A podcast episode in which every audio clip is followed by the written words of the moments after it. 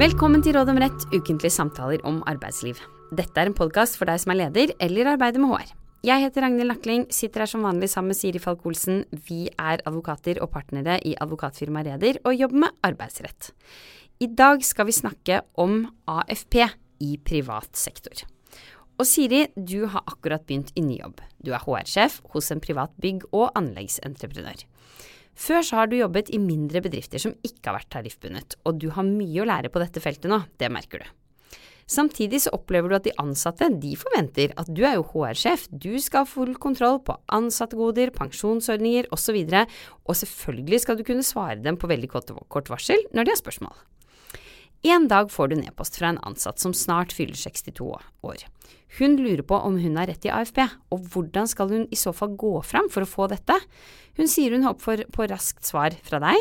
Hun og mannen planlegger en lengre cruisereise neste år, og de ønsker å ha forutsigbarhet rundt økonomiske fremover.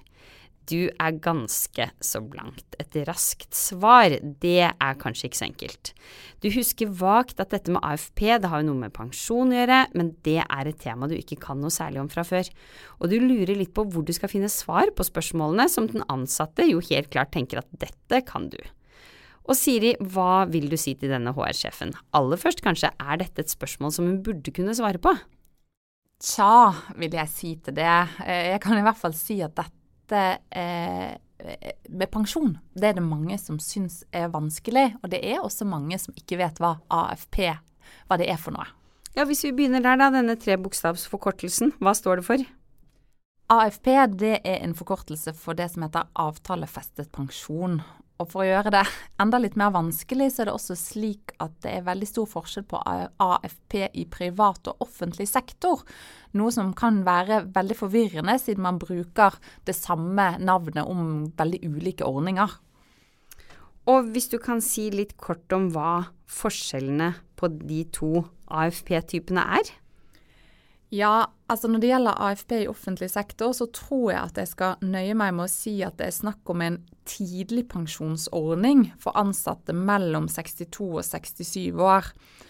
Eh, det er veldig mye som skiller AFP i offentlig og privat sektor, sånn at det nesten er litt misvisende at ordningene har samme navn.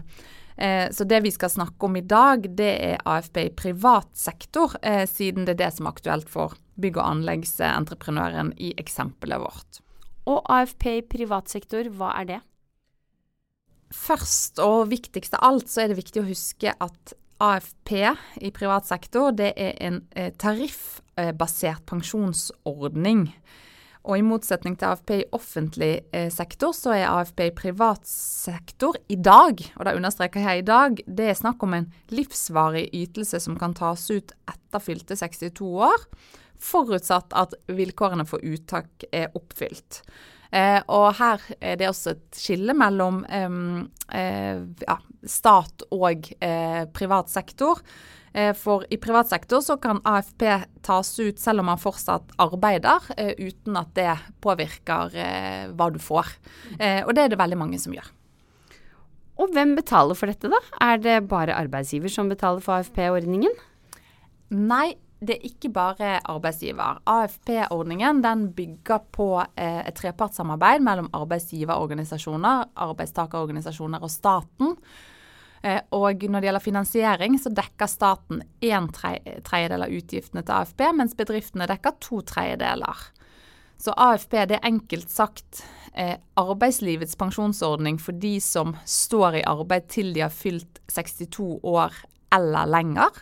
Eh, og arbeidstakerne som trer ut av arbeidslivet før fylte 62 år, de vil aldri ha eh, rett på eller krav på AFP. Og så var det jo denne ansatte da som satt og lurte på har jeg krav på AFP.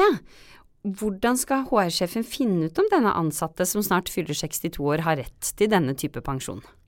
Ja, altså inngangsvilkåret eh, for Eller det første som man må finne ut av, det er om denne bygg- og anleggsentreprenøren har en tariffavtale med AFP-belag.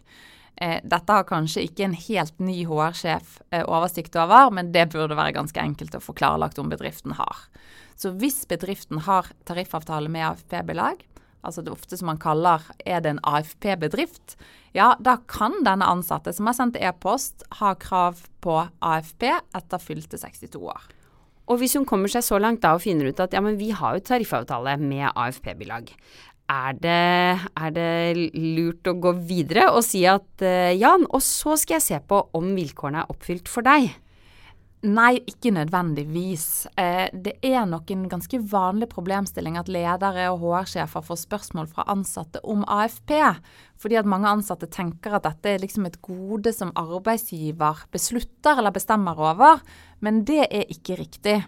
Fordi at AFP det er en tariffavtalebasert ordning, og ikke noe som en arbeidsgiver kan påvirke eller rå over. Og det er jo heller ikke arbeidsgiver, altså i dette, i dette eksempelet bygg- og anleggsentreprenøren, som bestemmer eller, om vilkårene for AFP er oppfylt, eller innvilger søknad om AFP.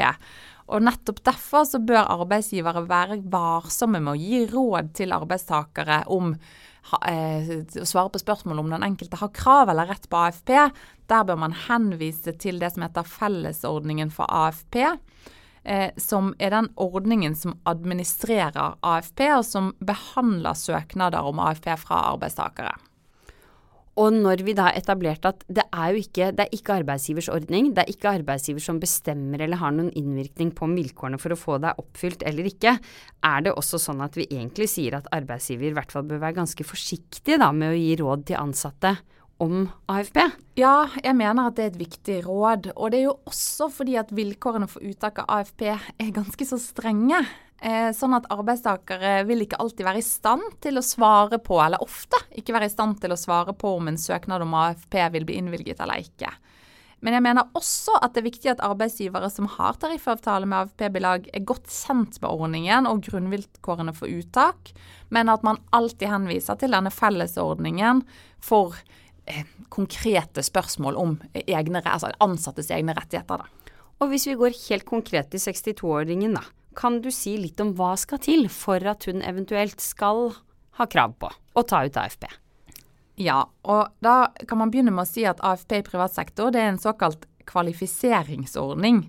Og det betyr at eh, alle vilkårene må være oppfylt på det tidspunktet den ansatte ønsker å starte uttak AFP.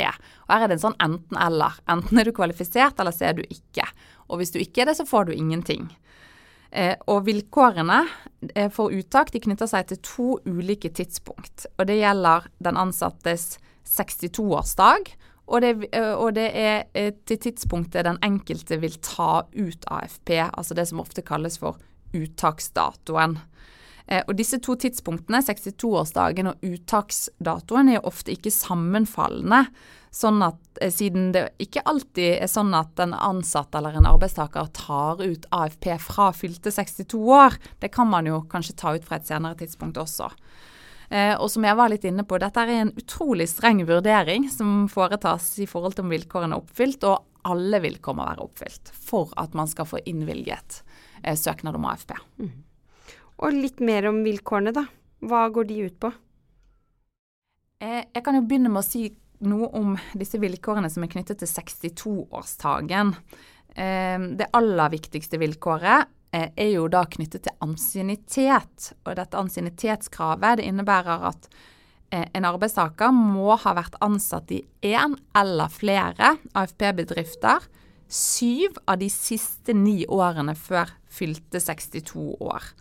Og arbeidsforholdet i denne perioden må være det som kalles et hovedarbeidsforhold, og man må ha et, hatt en stillingsprosent på minimum 20% Og så I tillegg så må den pensjonsgivende inntekten fra, fra bedriften den må være høyere enn øvrige eh, inntekter. Og så nevner jeg at det er noen særkrav knyttet til dette med øvrige inntekter hvis man har vært utstasjonert i utlandet, uføretrygd osv. Det er situasjoner som så som ikke så ofte kommer på spissen, så jeg går ikke inn på alle disse.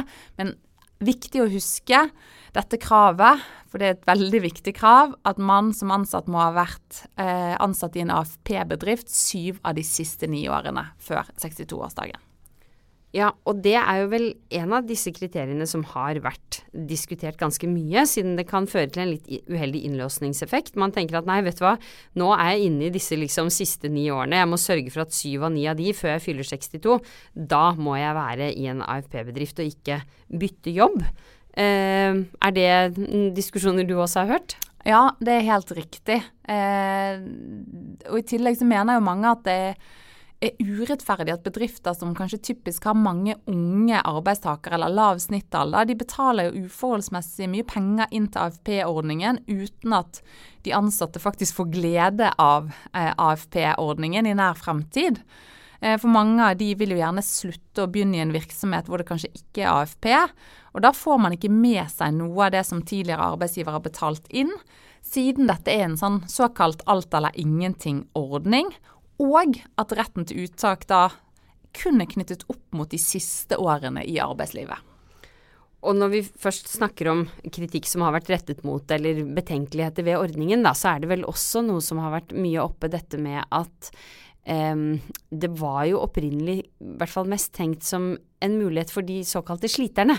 Mens det nå er, er slik at ja, hvis du er i en tariffbundet virksomhet, da har du krav på AFP med AFP-bilag. Krav på det uansett hva slags type stilling du har. Det er helt riktig. Dette var jo opprinnelig mer en, en tidligpensjonsordning, tilsvarende som nå i offentlig sektor, for de som ikke klarte å stå i jobb. Mens i dag er det noe helt annet. Mm. Og inne på, nå har du vært inne på en del av opptjeningsvilkårene. Eh, men hva er det som må være, eller hva som må være oppfylt da på 62-årsdagen? Men hvis du skal si litt om kravene som må være oppfylt på uttakstidspunktet, det var du også innom. Hva, hva slags krav er det? Ja, det er helt riktig. Det, og det aller viktigste kravet som knytter seg til uttakstidspunktet, eh, altså det tidspunktet den ansatte begynner å ta ut AFP, det er at personen må være ansatt og reell arbeidstaker sammenhengende i en eller flere AFP-bedrifter før uttak av AFP skjer. Og dette kravet om reell eh, arbeidstaker. Det betyr at man må faktisk jobbe eh, i en minimum 20% inntekt, og man må ha en inntekt på minst 1 G, altså i praksis da ca. 110 000 kroner. Og så må man, dette er viktig, man må jobbe helt fram til ønsket uttakstidspunkt. Så det betyr f.eks. at hvis den ansatte i eksempelet vårt slutter i jobben, Eh, før hun fyller 62 år og deretter søker om AFP, så vil hun ikke få dette innvilget.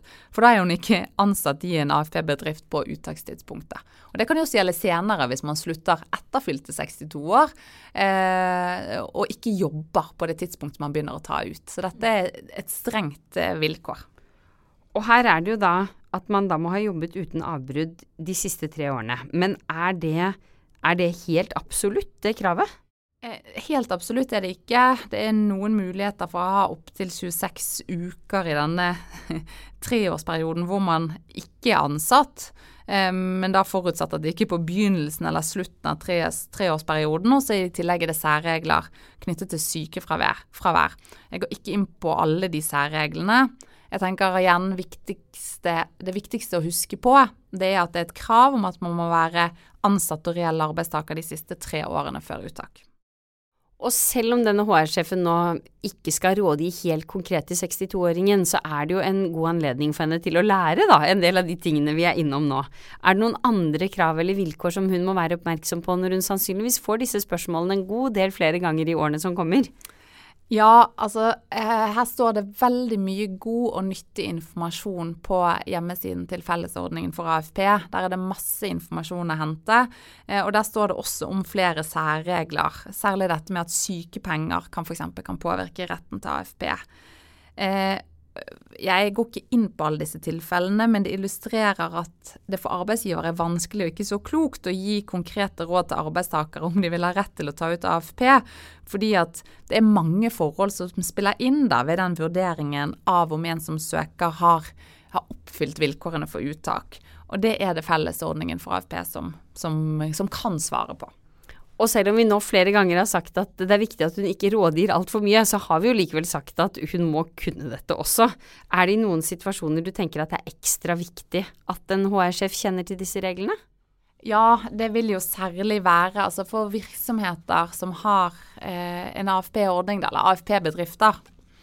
Eh, så er det jo særlig viktig i nedbemanningssituasjoner. Eh, så det, I de situasjonene er det særlig viktig at man har kunnskap om eh, grunnvilkårene for AFP. Eh, og eh, mange arbeidsgivere vil jo f.eks. forsøke eller ønske å forsøke å skjerme ansatte som nærmer seg rett uttak av AFP, eller å legge til rette for arbeid i minimum 20 fram til vilkårene for uttak er oppfylt. For Sier man opp noen som har oppfylt alle andre vilkår eh, når de er 61 år, så skal det jo kanskje mye til for at de finner seg nytt arbeid i en AFP-bedrift eh, den siste perioden, og det har store økonomiske konsekvenser å miste eh, retten til AFP. Så det er jo det mange arbeidsgivere som da forsøker å hensynta i nedbemanningsprosesser, enten da i form av en sånn skjerming av en viss aldersgruppe, de som nærmer seg, eller at man tilrettelegger da for 20% arbeid fram til man fyller eh, 62 år. Og det er jo Fellesordningen praktiserer jo reglene, og de praktiserer de ganske strengt. Er du ikke enig? Eller det er kanskje feil spørsmål, fordi de praktiserer de ganske tydelig, da. Eh, det, er veldig, det er veldig det er helt klare, firkantede, tydelige vilkår. For eksempel, så et eksempel eh, knyttet til nedbemanning er jo dette med fritak for arbeidsplikt i oppsigelsestiden, som ofte kan være et gode i forbindelse med eh, hvis man inngår en sluttavtale. Eh, hvis man fritas for arbeidsplikt, men fortsatt er ansatt, så vil fellesordningen kunne legge til grunn at det faktisk, da er man ikke reell arbeidstaker. Så det er noe man må passe på som arbeidstaker. Eh, også tenker jeg arbeidsgiver bør ha et forhold til dette eh, i nedbemanningssituasjoner. Eh, og du er jo inne på det at eh, det har vært rettet kritikk mot at disse vilkårene er veldig firkantede. Eh, og det er jo mange søkere som har fått oppleve avslag. Og når det nå er snakk om en livsvarig ytelse av stor økonomisk verdi, så er det jo klart at det oppleves veldig fortvilende å få avslag eh, på søknaden fordi at kanskje ett av veldig mange vilkår ikke er oppfylt. Uh, og igjen, sånn som du snakket litt om, så mener jeg dette er en av grunnene til at selv om man ikke skal gi råd om du som enkeltperson har krav på å få innvilget søknad om AFP, så bør arbeidsgivere som er tilsluttet AFP-ordningen, de bør være kjent med de viktigste vilkårene for uttak. Men alltid anbefale den enkelte arbeidstaker å ta kontakt med fellesordningen for AFP i forhold til konkrete spørsmål om hva som gjelder den enkelte. Og sånn jeg arresterte meg selv litt når jeg sa ikke sant, for strengt. Det er jo ikke noen tvil om at vi som jurister har jo nok en mye større forståelse for at når regelen tross alt er A, eller denne datoen, så følger man den. Det skulle jo egentlig bare mangle.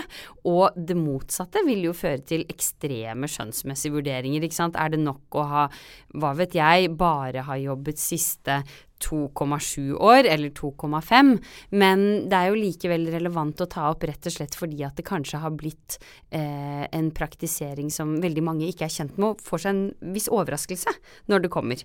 Men hvis de får det, da, som jo heldigvis de fleste får som søker om AFP, i hvert fall hvis vilkårene er oppfylt, hva får de da? Ja, Det er veldig vanskelig å svare på, fordi at størrelsen på AFP det avhenger av hvor mye pensjonsgivende inntekt en arbeidstaker har hatt i perioden mellom 13 og 61 år, og det er Nav pensjon som beregner og utbetaler AFP-ytelsen. Så her er det mulig å gå inn på denne pensjonskalkulatoren eh, til Nav for å se hvor mye man eventuelt kan få i AFP. Og så henger det også sammen med at det er en livsvarig ytelse, så det avhenger av hvor lenge man lever, hvor mye man totalt får. Men mange vil ofte anslå eh, at det i hvert fall for mange kan være snakk om verdier på mellom 1 og 1,5 million. Eh, så det, det er mye penger. Og vi har jo vært inne på noen av de uheldige sidene ved dagens ordning med AFP i privat sektor. Innlåsningseffekt og andre ting vi har snakket om. Det er jo snakk om å endre ordningen sånn som den er i dag. Hva er status der? Det er helt riktig. og Allerede i eh, tariffoppgjøret mellom NHO og LO i 2018 så ble partene da enige, som der var de helt enige om at man skulle se på en omlegging av AFP-ordningen for privat sektor. Eh, dette var nok et arbeid eh, organisasjonene trodde skulle ta, kanskje ta kortere tid, men i hvert fall i mai 2021 så la NHO, la NHO og LO fram en rapport med utredning om dette temaet. Eh, og her har arbeidsgiver- og arbeidstakersiden vært veldig enige om mange av utfordringene med dagens AFP-ordning, og enige om eh, målsettingene eh, for arbeidet og en ny ordning. Og hva har de målsetningene vært? Det som har vært en viktig målsetting, det har vært å finne fram til en ordning som er mer rettferdig og forutsigbar, og som gir bedre samsvar mellom tid i AFP-bedrift og hva man faktisk får utbetalt. Sånn at man er for enige, eller er nå enige om at det kan, vil være mer rimelig og fornuftig å ha eh, en form for opptjening knyttet til tid, i, eh, tid ansatt i AFP-bedrift, ikke da bare de siste årene i arbeidslivet. Eh, og så er det videre enige, enighet, eller um, LO og NHO mener at full opptjening det skal være på samme nivå som dagens nivå, så man skal ikke få noe mindre totalt sett. Og så er de enige om at bedriftenes kostnader med AFP-ordningen skal også holdes på samme nivå som i dag. Og En annen viktig målsetting for det arbeidet som er gjort, er at AFP-ordningen skal være attraktiv for både arbeidstaker og arbeidsgiver og bidra til høy organisasjonsgrad. Og Her har man sett at dagens ordning ikke alltid er like heldig, siden bedrifter med arbeidstakere som har lav gjennomsnittsalder, betaler en høy premie til AFP-ordningen og kanskje ikke ser verdien av det, fordi at deres ansatte i liten grad får glede av AFP-ordningen i nær fremtid. Så det gode her er jo at det er veldig mye NHO og LO er enige om. Eh, men hvorfor er det ikke skjedd noen endring da, når dette kom allerede, eller var da uh, påbegynt da, for flere år siden? Hva, hva, gjenstår, hva er de uløste spørsmålene? Ja, altså Denne rapporten kom jo da i mai 2021, og så vidt jeg har sett, så har det vært stille siden da. og En grunn til det er jo at eh, kanskje et av de aller viktigste spørsmålene, nemlig finansieringsspørsmålet, det er fortsatt uløst. Eh, fordi at man har ikke funnet eh, altså Man er ikke enige om hvordan dette skal finansieres. og Man har ikke fått staten eh, med på enn så lenge å ta regningen, da, eller de økte kostnadene ved omlegging av AFP-ordningen, som, som, i praksis vil bety, med de målsettingene som LO og NHO har blitt enige om, så vil det innebære at det vil være en mye dyrere ordning, hvor mange flere vil motta privat AFP. Og staten har enn så lenge her kan det jo være ulike oppfatninger i ulike regjeringer, men enn så lenge eh, har ikke staten eh, sagt seg villig til å ta regningen for denne nye ordningen. Da får vi bare følge med og se hva som skjer der. Men hvis vi helt konkret skal hjelpe HR-sjefen i casen vår, da. Hva skal hun svare denne arbeidstakeren? Hun skal jo på cruise og har behov for noen avklaringer i den forbindelse. I, her vet vi jo ikke alt og ikke så mye, men forutsatt at denne virksomheten har tariffavtale med AFP-belag, og denne ansatte har vært ansatt en god del år, så kan det jo være at eh, hun har mulighet til å ta ut AFP fra fylte 62 år. Men søknaden den må den ansatte sende til fellesordningen for AFP. Eh, sånn at HR-sjefen kan uansett ikke gi et endelig svar på dette spørsmålet, eh, men må henvise videre. Som vanlig oppsummerer vi dagens tema med tre punkter, Shiri. Hva vil du trekke fram når det gjelder temaet AFP i privat sektor? For det første så må man huske at AFP i privat sektor er en tariffbasert pensjonsordning for ansatte i virksomheter som har tariffavtale med AFP-bilag. For det andre så bør man huske på at det er snakk om en livsvarig ytelse som kan tas ut etter fylte 62 år, forutsatt at vilkårene for uttak er oppfylt. Og for det tredje så bør man huske på at det er strenge vilkår for uttak av AFP. Alle vilkårene må være oppfylt, og denne ordningen den administreres av det som kalles for fellesordningen for AFP. Takk. Det var det vi hadde. Vi kommer tilbake med nytt tema og nye tips i neste episode.